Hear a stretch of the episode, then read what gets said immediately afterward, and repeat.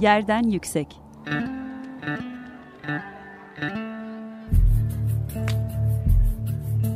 Çocukların mekan algısı ve mekansal hakları. Hazırlayan ve sunan Gizem Kıykı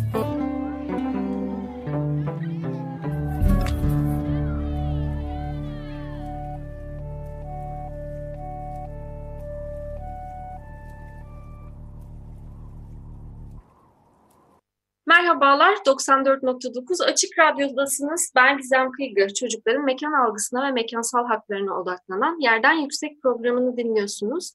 E, hattın diğer ucunda bugünkü konuğum Kalkınma Atölyesi'nden Erten Karabıyık. E, sosyal kalkınma kooperatifi olan haklar ve e, eşitsizliğin azaltılması hem kırsal alanda hem kentsel alanda eşitsizliklerin azaltılmasına ilişkin e, çalışmalar yapan, izleme çalışmalar yapan, sahayı çok yakından takip eden ve aslında sürekli de e, bu alanlarda sahanın içerisinden bize bilgileri ulaştıran bir topluluk e, kalkınma atölyesi. Ertan Karabıyık bugün bize son dönemde pandemi sürecinde mevsimlik tarım işçilerine ilişkin ve onların çocuklarına ilişkin yaptıkları çalışmalardan bahsedecek. İlk önce e, siz bir haritalama çalışması yaptınız aslında. Biz bu e, pandemi sürecini çok e, işte yo yoğun kentsel mekanda e, yaşıyoruz e, ve öyle bir algı var. Ama e, bu pandemi sürecinin aslında sağlık e, konularıyla birlikte bunun uzantısı olabilecek bizi bekleyen bir gıda krizi ve bunun e, tarım özelinde aslında emek döngüsüyle bir ilişkisi var. Dolayısıyla e, bir dizi önlemler e, söz konusu oldu ve bir dizi aslında yok sayılmalar da söz konusu oldu. Bunların e, hepsinin bilgisini toparladığınız bir çalışmayla bizlere bizlere bir harita sundunuz.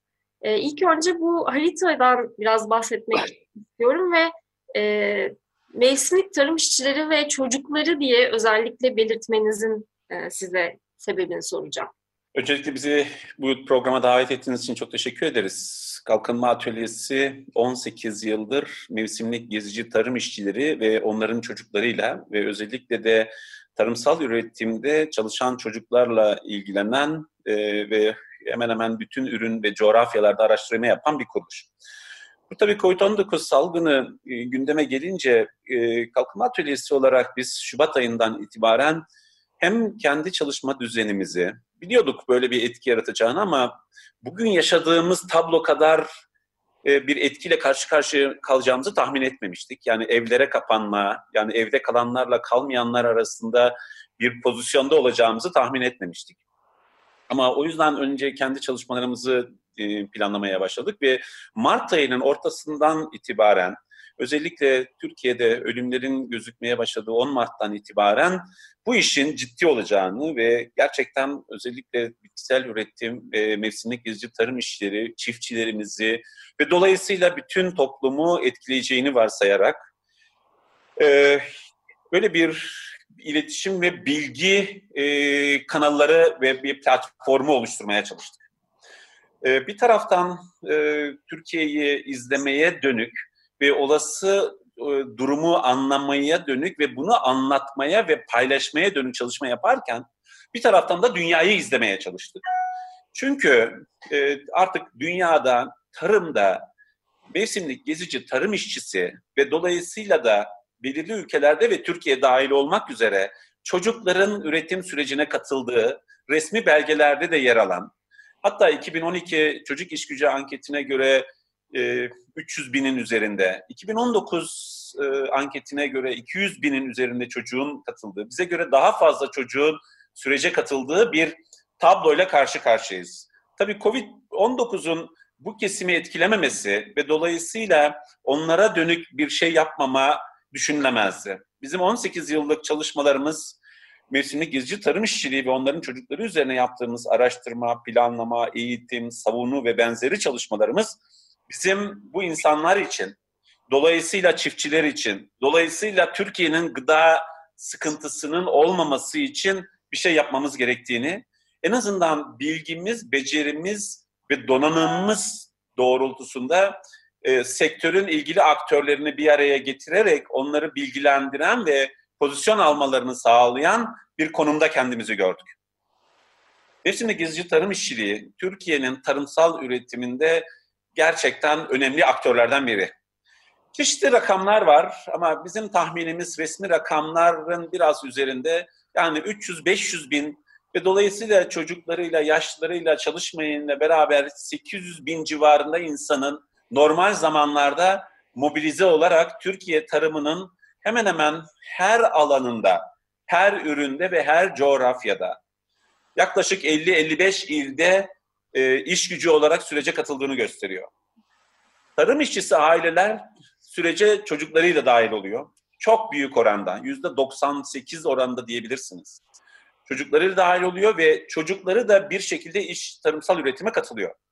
Genellikle 12 yaş üstü çocuklar günlük yövmiye işlerle, 12 yaş altı çocuklar ise ailenin kabalama, götürü dediğimiz ya da topladığı miktar kadar, işlediği arazi alanı kadar ücret alan sistemlerde de çocuklar daha fazla aktif yer alıyor. O yüzden bu COVID-19 etkisinde mevsimlik gezici tarım işleri derken aslında çocukları unutmamak, çocukların da bu süreçte yer aldığını göstermek için bu ifadeyi kullandık. Biz sadece burada değil, her e, raporumuza bunu kullanıyoruz.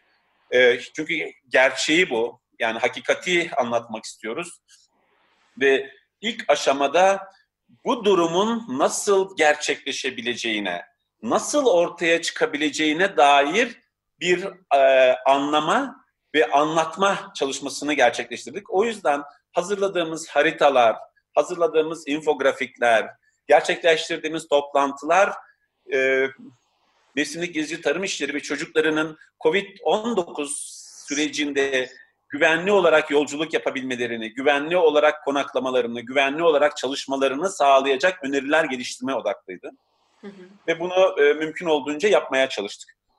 Şimdi Türkiye'nin tabii e, tarımsal üretim yapısı, e, şimdi dünyada şöyle bir tabloyla karşı karşıyayız. Özellikle gelişmiş ülkeler, batı ülkelerinde e, mevsimli gezici tarım işçileri çok büyük oranda başka ülkelerden gidiyor. Başka ülkelerden gittiği için ve sınırlar da kapandığı için e, ve tam da pandeminin yaygınlaşma süreci kuzey yarım kürede bahar aylarına denk geldiği için bir panik yaşandı.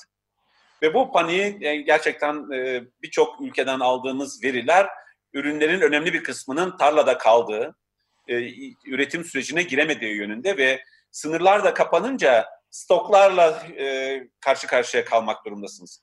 Türkiye'nin şöyle bir avantajı var. 12 ay tarım yapılabilme ve çok büyük oranda da iş gücü yerel ve ulusal ölçekten karşılanabiliyor. Çok az iş gücümüz işte bizim çay ve fındığın bir kısmı için Gürcistan'dan geliyordu. Ee, Ardahan, e, Kars bölgesinde ot bitme, biçmek için e, Nahçıvan'dan işçi geliyordu. Ama onun dışında işçinin çok büyük bir kısmı e, yurt içinden geliyor ve yurt içinden e, bir şekilde göç ederek gerçekleşiyor. Kuşkusuz tedbirler, e, seyahat sınırlamaları, ya sokağa çıkma yasağı, 65 e, yaş üstü, 20 yaş üstü gibi bir sürü tedbirler bu göç sürecini de olumsuz olarak etkileyecek. Ve gördüğümüz tablo ve yaptığımız araştırmalar eskisi gibi olmayacağı yönünde. Bu hmm. göç sürecinden dolayı e, iş gücü açığının nasıl karşılanacağı her lokalizasyon için ayrı bir şekilde çözüm üretmeye çalışıyorlar. Ama buna rağmen de iş gücü, tarımda iş gücü geçmişe göre yeteri kadar katılmayacak. Bunun birçok nedeni var. Ee, insanların korkuları, endişeleri, e, seyahat ücretlerinin artması, onu karşılayamayacak olma, yaşam ortamlarındaki hijyenik güvenlik, çalışma ortamındaki sıkıntılar gibi bir sürü nedeni var. Ve biz bunları analiz etmeye ve bir taraftan işçilerin ve onların çocukları için güvenli ortamlar, düzenler nasıl sağlanabilir?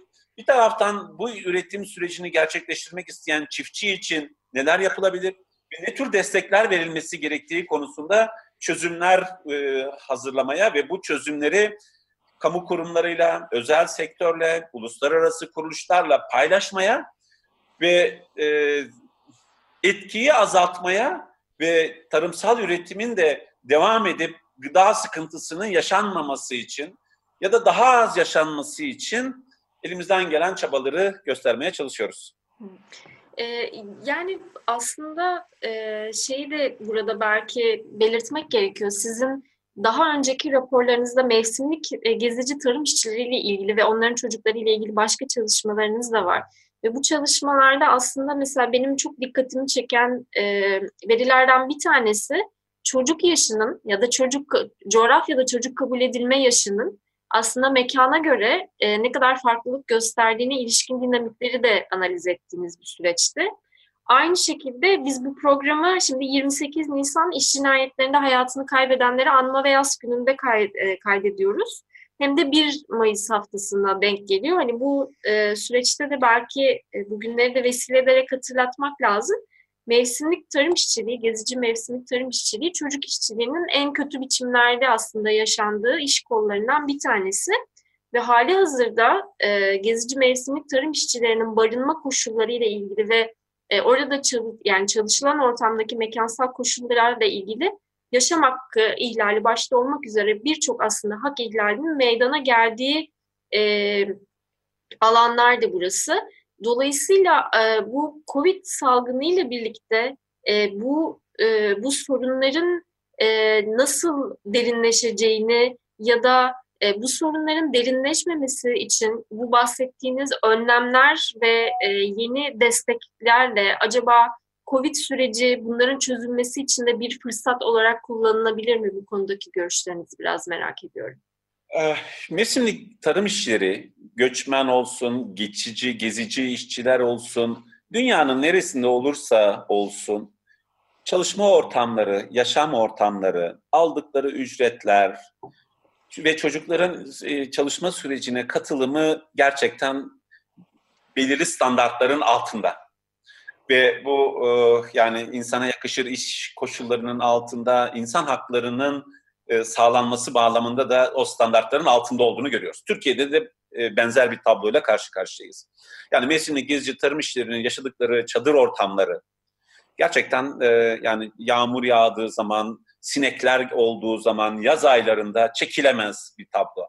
Ve çok ciddi çocuklar için de riskler taşıyor e, içme suyundan tutun elektrik olup olmamasına, tuvaletten tutun banyoya kadar, çalışma ortamına e, traktör kasalarında gitmek ya da fındık alanlarına patpatlarla taşınmak tehlikeli ve her yıl zaten e, iş kazaları, e, ulaşım kazaları, onları e, gazetelerde bol bol okuyoruz.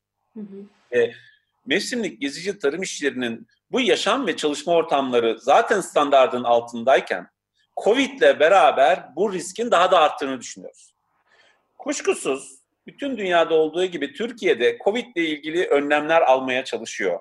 İşte seyahat ederken e, mesafe bırakma. Eskiden üç aile seyahat ederken şimdi bir aile seyahat ediyor bir minibüste.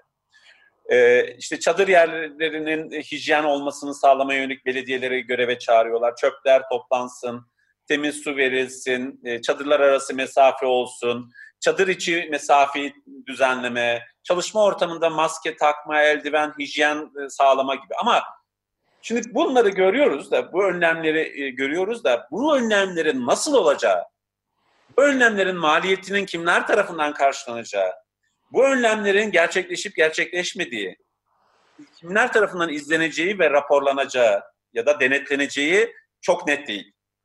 Ve şimdi Adana-Mersin hattında e, işte Hatay, Adana, Mersin, Urfa, Güney illerimizde mevsimlik gezici tarım işleri çalışma sürecine zaten başlamıştı. Yani orada 12 ay çalışma var. Ama yavaş yavaş işte Manisa'ya, Konya'ya, e, Ankara'ya gelmeye başladılar ve e, daha kuzey illerine yani havaların ısınmasıyla beraber ve tarımsal üretimin artmasıyla beraber kuzey illerine doğru çıkmaya başladılar. Ve şimdi oradaki uygulamaları göreceğiz tedbirlerin ne kadar, e, hangi düzeyde uygulandığını ve bu sürece e, dair neler yapıldığına dair bir e, değerlendirme yapacağız. Ama e, geçmişte biz mevsimlik gezici tarım işçilerinin ve onların çocuklarının yaşam standardını zaten belirli bir düzeye çıkaramamışken Covid ile beraber birden bunun yapılmasının o kadar kolay olmadığını düşünüyoruz. O yüzden risklerin daha da artacağını düşünüyoruz. E, bunun e, sadece fiziksel boyutuna bakıyoruz. Gerçekten bir de özellikle ruhsal boyutuna hiç bakmıyoruz. E, bu korkuların, çocukların e, bu dur, bu konuya e, ilişkilerinin ve onlarda yaratacağı durumu bilmiyoruz. Onun dışında örneğin mevsimlik tarım işçileri çocukları çok büyük oranda eğitim sürecine katılmıyor ya da eksik katılıyor. Hele hele okulların kapatılmasından sonra online eğitim sürecine hemen hemen e, katılanın katılanı duymadık. Muhtemelen vardı ama e, çok eser miktarda çocuk katılmıştır ve bu süreçte bir daha eşitsizlik bir tablo yaratacak e, ve çocuklar bir şekilde bundan da e, etkilenecek. Çalışma ilişkisine gelince biz Kalkınma Atölyesi olarak bu konuda birkaç araştırma yaptık. Bir çocuğun mevsimlik gezici tarım işçisi ailesinin bir çocuğunun çalışma sürecine katılımında birkaç değişken var. Bunlardan bir tanesi ailenin durumu. Eğer aile gerçekten çok yoksul ise çocuğun çalışma sürecine katılımı aile için mecburiyet. Yoksa başka türlü geçinme imkanı yok. Bu çocuğu ailenin başka gelir kaynaklarına, ailenin eğitim durumuna, ailenin muhtaçlık durumuna göre değişiyor ya da çocuk sayısına göre değişiyor. İkincisi ailenin yaptığı işi, yaptığı mekanda, işte iller diyoruz ona ya da coğrafya diyoruz, hangi biçimde yaptığıyla ilgili. Eğer aile pamuk toplama işi yapıyor ise ve bir kilogram pamuk için bir ücret alıyor ise çocuk mutlaka en küçük yani pamuk toplayacak yaşa kadar sürece katılıyor. Eğer çocuk, aile e, soğan hasadı yapıyor ise, turp hasadı yapıyor ise, kilogram başına havuç hasadı yapıyor ise ya da çuval başına havuç hasadı yapıyor ise aile mutlaka çocuğunu katıyor. Ama fındıkta olduğu gibi e, bazı ürünlerde günlük yövmeyle, narenciyede olduğu gibi e, günlük yövmiye ile işe katılıyor ise çocuğun yaşı 12 ve üstü genellikle 12 ve üstü oluyor. Orada da biraz çocuğun gelişmişlik durumuna ve o işi yapıp yapamayacağına bağlı olarak gerçekleşiyor. O yüzden e, ama her halükarda biliyoruz ki mevsimlik gezici tarım işçisi ailelerinin çocukları çok büyük oranda e, üretim sürecine işçi olarak katılıyor. Evet, bu şeyde yani daha önce sizin e, bir yevmiye bir yevmiyedir raporunuzda da evet. bunu evet. E, görmüştük, okumuştuk. E, peki siz aynı zamanda bu haritalama çalışmalarıyla birlikte yani bir dünyada alınan önlemler haritası çalışması yaptınız. Türkiye'de alınan önlemler haritası çalışması yaptınız. Bunun yanında aslında bilgi notları da paylaşıyorsunuz. Programımızın da yavaş yavaş sonuna geliyoruz. Ee, hem biz bu çalışmalara nerelerden ulaşabiliriz? Yani dinleyicilerimiz bu çalışmaları e, bakmak, incelemek isterlerse ya da sizinle iletişime geçmek isterlerse hangi kanallardan iletişime geçmeliler? Şu anda Kalkınma Atölyesi bunu üç kanaldan yayıyor. Bir, kendi oluşturduğu networkler üzerinden yaygın olarak paylaşıyor. Ve bunların başkaları tarafından da paylaşılmasını istiyor. Çünkü Kalkınma Atölyesi yaptığı her çalışmayı bir kamu malı anlayışıyla yapıyor ve e, bizden izinsiz dahi paylaşma, izinsiz dahi kullanma, izinsiz dahi değiştirme hakkı veriyoruz. bir buradan. iki Kalkınma Atölyesi çalışanları kendi kişisel sosyal medya hesaplarından paylaşıyorlar yaygın olarak. Üç, Kalkınma Atölyesi'nin sosyal medya hesaplarından paylaşıyoruz. Yakın zamanda bu tüm çalışmalarımızı web sitemize de koyacağız. Web sitemizi yenileme aşamasındayız ve web sitemizden de paylaşacağız. Ama zaten e, bu üç kanaldan on binlerce kişiye ulaştığını söyleyebilirim. E, bir de ayrıca zaman zaman e, bizim veri tabanımızda olan mail sistemiyle de yaygın olarak paylaşıyoruz. E, Twitter'da pandemide mevsimlik gezici tarım işçileri e, ismiyle bir hesap görüyorum. Hem de Instagram. Evet, o hesaptan yaygın olarak her e, çok yaygın olarak paylaşıyoruz ama Aynen. onun dışında Kalkınma Atölyesi'nin evet. sosyal medya hesaplarından da paylaşıyoruz. Tamam, pekala. Bu eğer yani paylaşma e, bir paylaşma anlamında bir destek e, söylediniz. Bir de bu çalışmaya da katılmak isteyenlere, e, bu çalışmalara destek vermek isteyenlere e, bir mesajınız, bir iletmek istediğiniz bir şey olur mu? Şimdi bu Covid-19 gerçekten ta, yani tarihçilerin, uzmanların söylediği çerçevede insanlık insanlığın bu kadar kapsamlı, bu kadar etkili yaşadığı ilk salgın. Kuşkusuz e, hem e, zarar, verdiği zarar itibariyle hem de etki itibariyle geçmişte çok büyük salgınlar yaşanmış. Milyonlarca insanın öldüğü salgınlar yaşanmış ama bu salgın yani 200'e yakın ülke, 3 milyara yakın insanı evine kapatan e, ve te- teknolojinin bu kadar geliştiği ve iletişimin bu kadar yaygın olduğu bir dönemde yaşanan ilk salgın. O yüzden aslında e, evde kalanlarla kalmayanlar ayrımına düştük ve evde kalmayanları evde kalanların daha çok düşünmesi gerektiği bir dönemdeyiz. Onlara daha çok destek olmak e, zorunda olduğumuz dönemlerdeyiz. Yani bizler evimizde rahat rahat otururken şu anda tarlada çapa yapan, ürün hasat eden çocuk, yaşlı, kadın, erkek insanları daha çok düşünmek ve bu pandemiyi e, özellikle evde kalmayanların daha rahat atlatabilmesi için herkesin gücünü, enerjisini harcaması gerektiğini düşünüyoruz. Gerçekten bir bu toplumsal dayanışma, toplumsal e, birlikte hareket etme ve özellikle tarımda ve sağlıkta yani sağlıkçıları alkışlıyoruz ama alkışlanacak daha çok başka kişiler de var. Kesinlikle. Ee, ve özellikle toplumun gıda güvenliğini sağlayan çiftçiler, işçiler ve o tedarik sistemini kuranlar e, konusunda da e, daha duyarlı olmak ve daha adil bir üretim, daha adil bir dağıtım sistemi üzerine kafa yormak ve böylece insanların az etkilenmesini ve bu koşullarda daha iyi olmasını sağlamaya dönük rol ve sorumluluğumuz olduğunu düşünüyoruz. Biz Kalkınma Atölyesi olarak bu rol ve sorumluluğu elimizden geldiğince, gücümüz yettiğince, aklımız ve paramız yettiğince yapmaya devam edeceğiz. Peki çok teşekkür ederim. Ee, dinleyicilerimize yeniden hatırlatalım. Ee, Kalkınma Atölyesi sosyal kalkınma e, alanında çalışmalar yapan bir e, kooperatif haklar ve eşitsizlikler üzerine çalışıyor. Ertan Karabıyık'ı dinledik e, bugün. Kalkınma Atölyesi'nin sosyal medya hesaplarından çalışmalarını takip edebilirsiniz ve ürettikleri bilgiyi aslında yaygınlaştırarak bu çalışmalara destek olabilirsiniz. Mevsimlik tarım işçilerinin koşullarını ve onların çocuklarının karşılaşacağı durumları konuştuk. Hem e, 18 yıllık birikimiyle Kalkınma Atölyesi'nin hem de pandemi koşullarının içerisinden bakmaya çalıştık. E, Yerden Yüksek programının e, bu haftada sonuna geldik. E, bizleri de e, Yerden Yüksek sosyal medya hesaplarımızdan Twitter ve Instagram'dan takip edebilirsiniz. Twitter'da Yerden Yüksek ismiyle, Instagram'da yerden nokta yüksek 94.9 kullanıcı adıyla bize ulaşabilirsiniz. Bütün programlarımızın kayıtlarına e, Apple Post, Podcast ve Spotify'dan ulaşabilirsiniz. Ayrıca Açık Radyo sitesinden de program kayıtlarımızı dinleyebilirsiniz. E, dinlediğiniz için çok teşekkür ederiz. Size de çok teşekkür ederiz Ertan Bey. Ağzınıza sağlık, kolaylıklar diliyorum çalışmalarınızda. Görüşmek üzere, hoşçakalın. Teşekkür ederiz. Görüşmek üzere.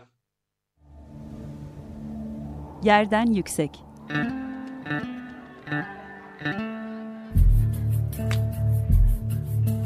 Çocukların mekan algısı ve mekansal hakları. Hazırlayan ve sunan Gizem Kıykı.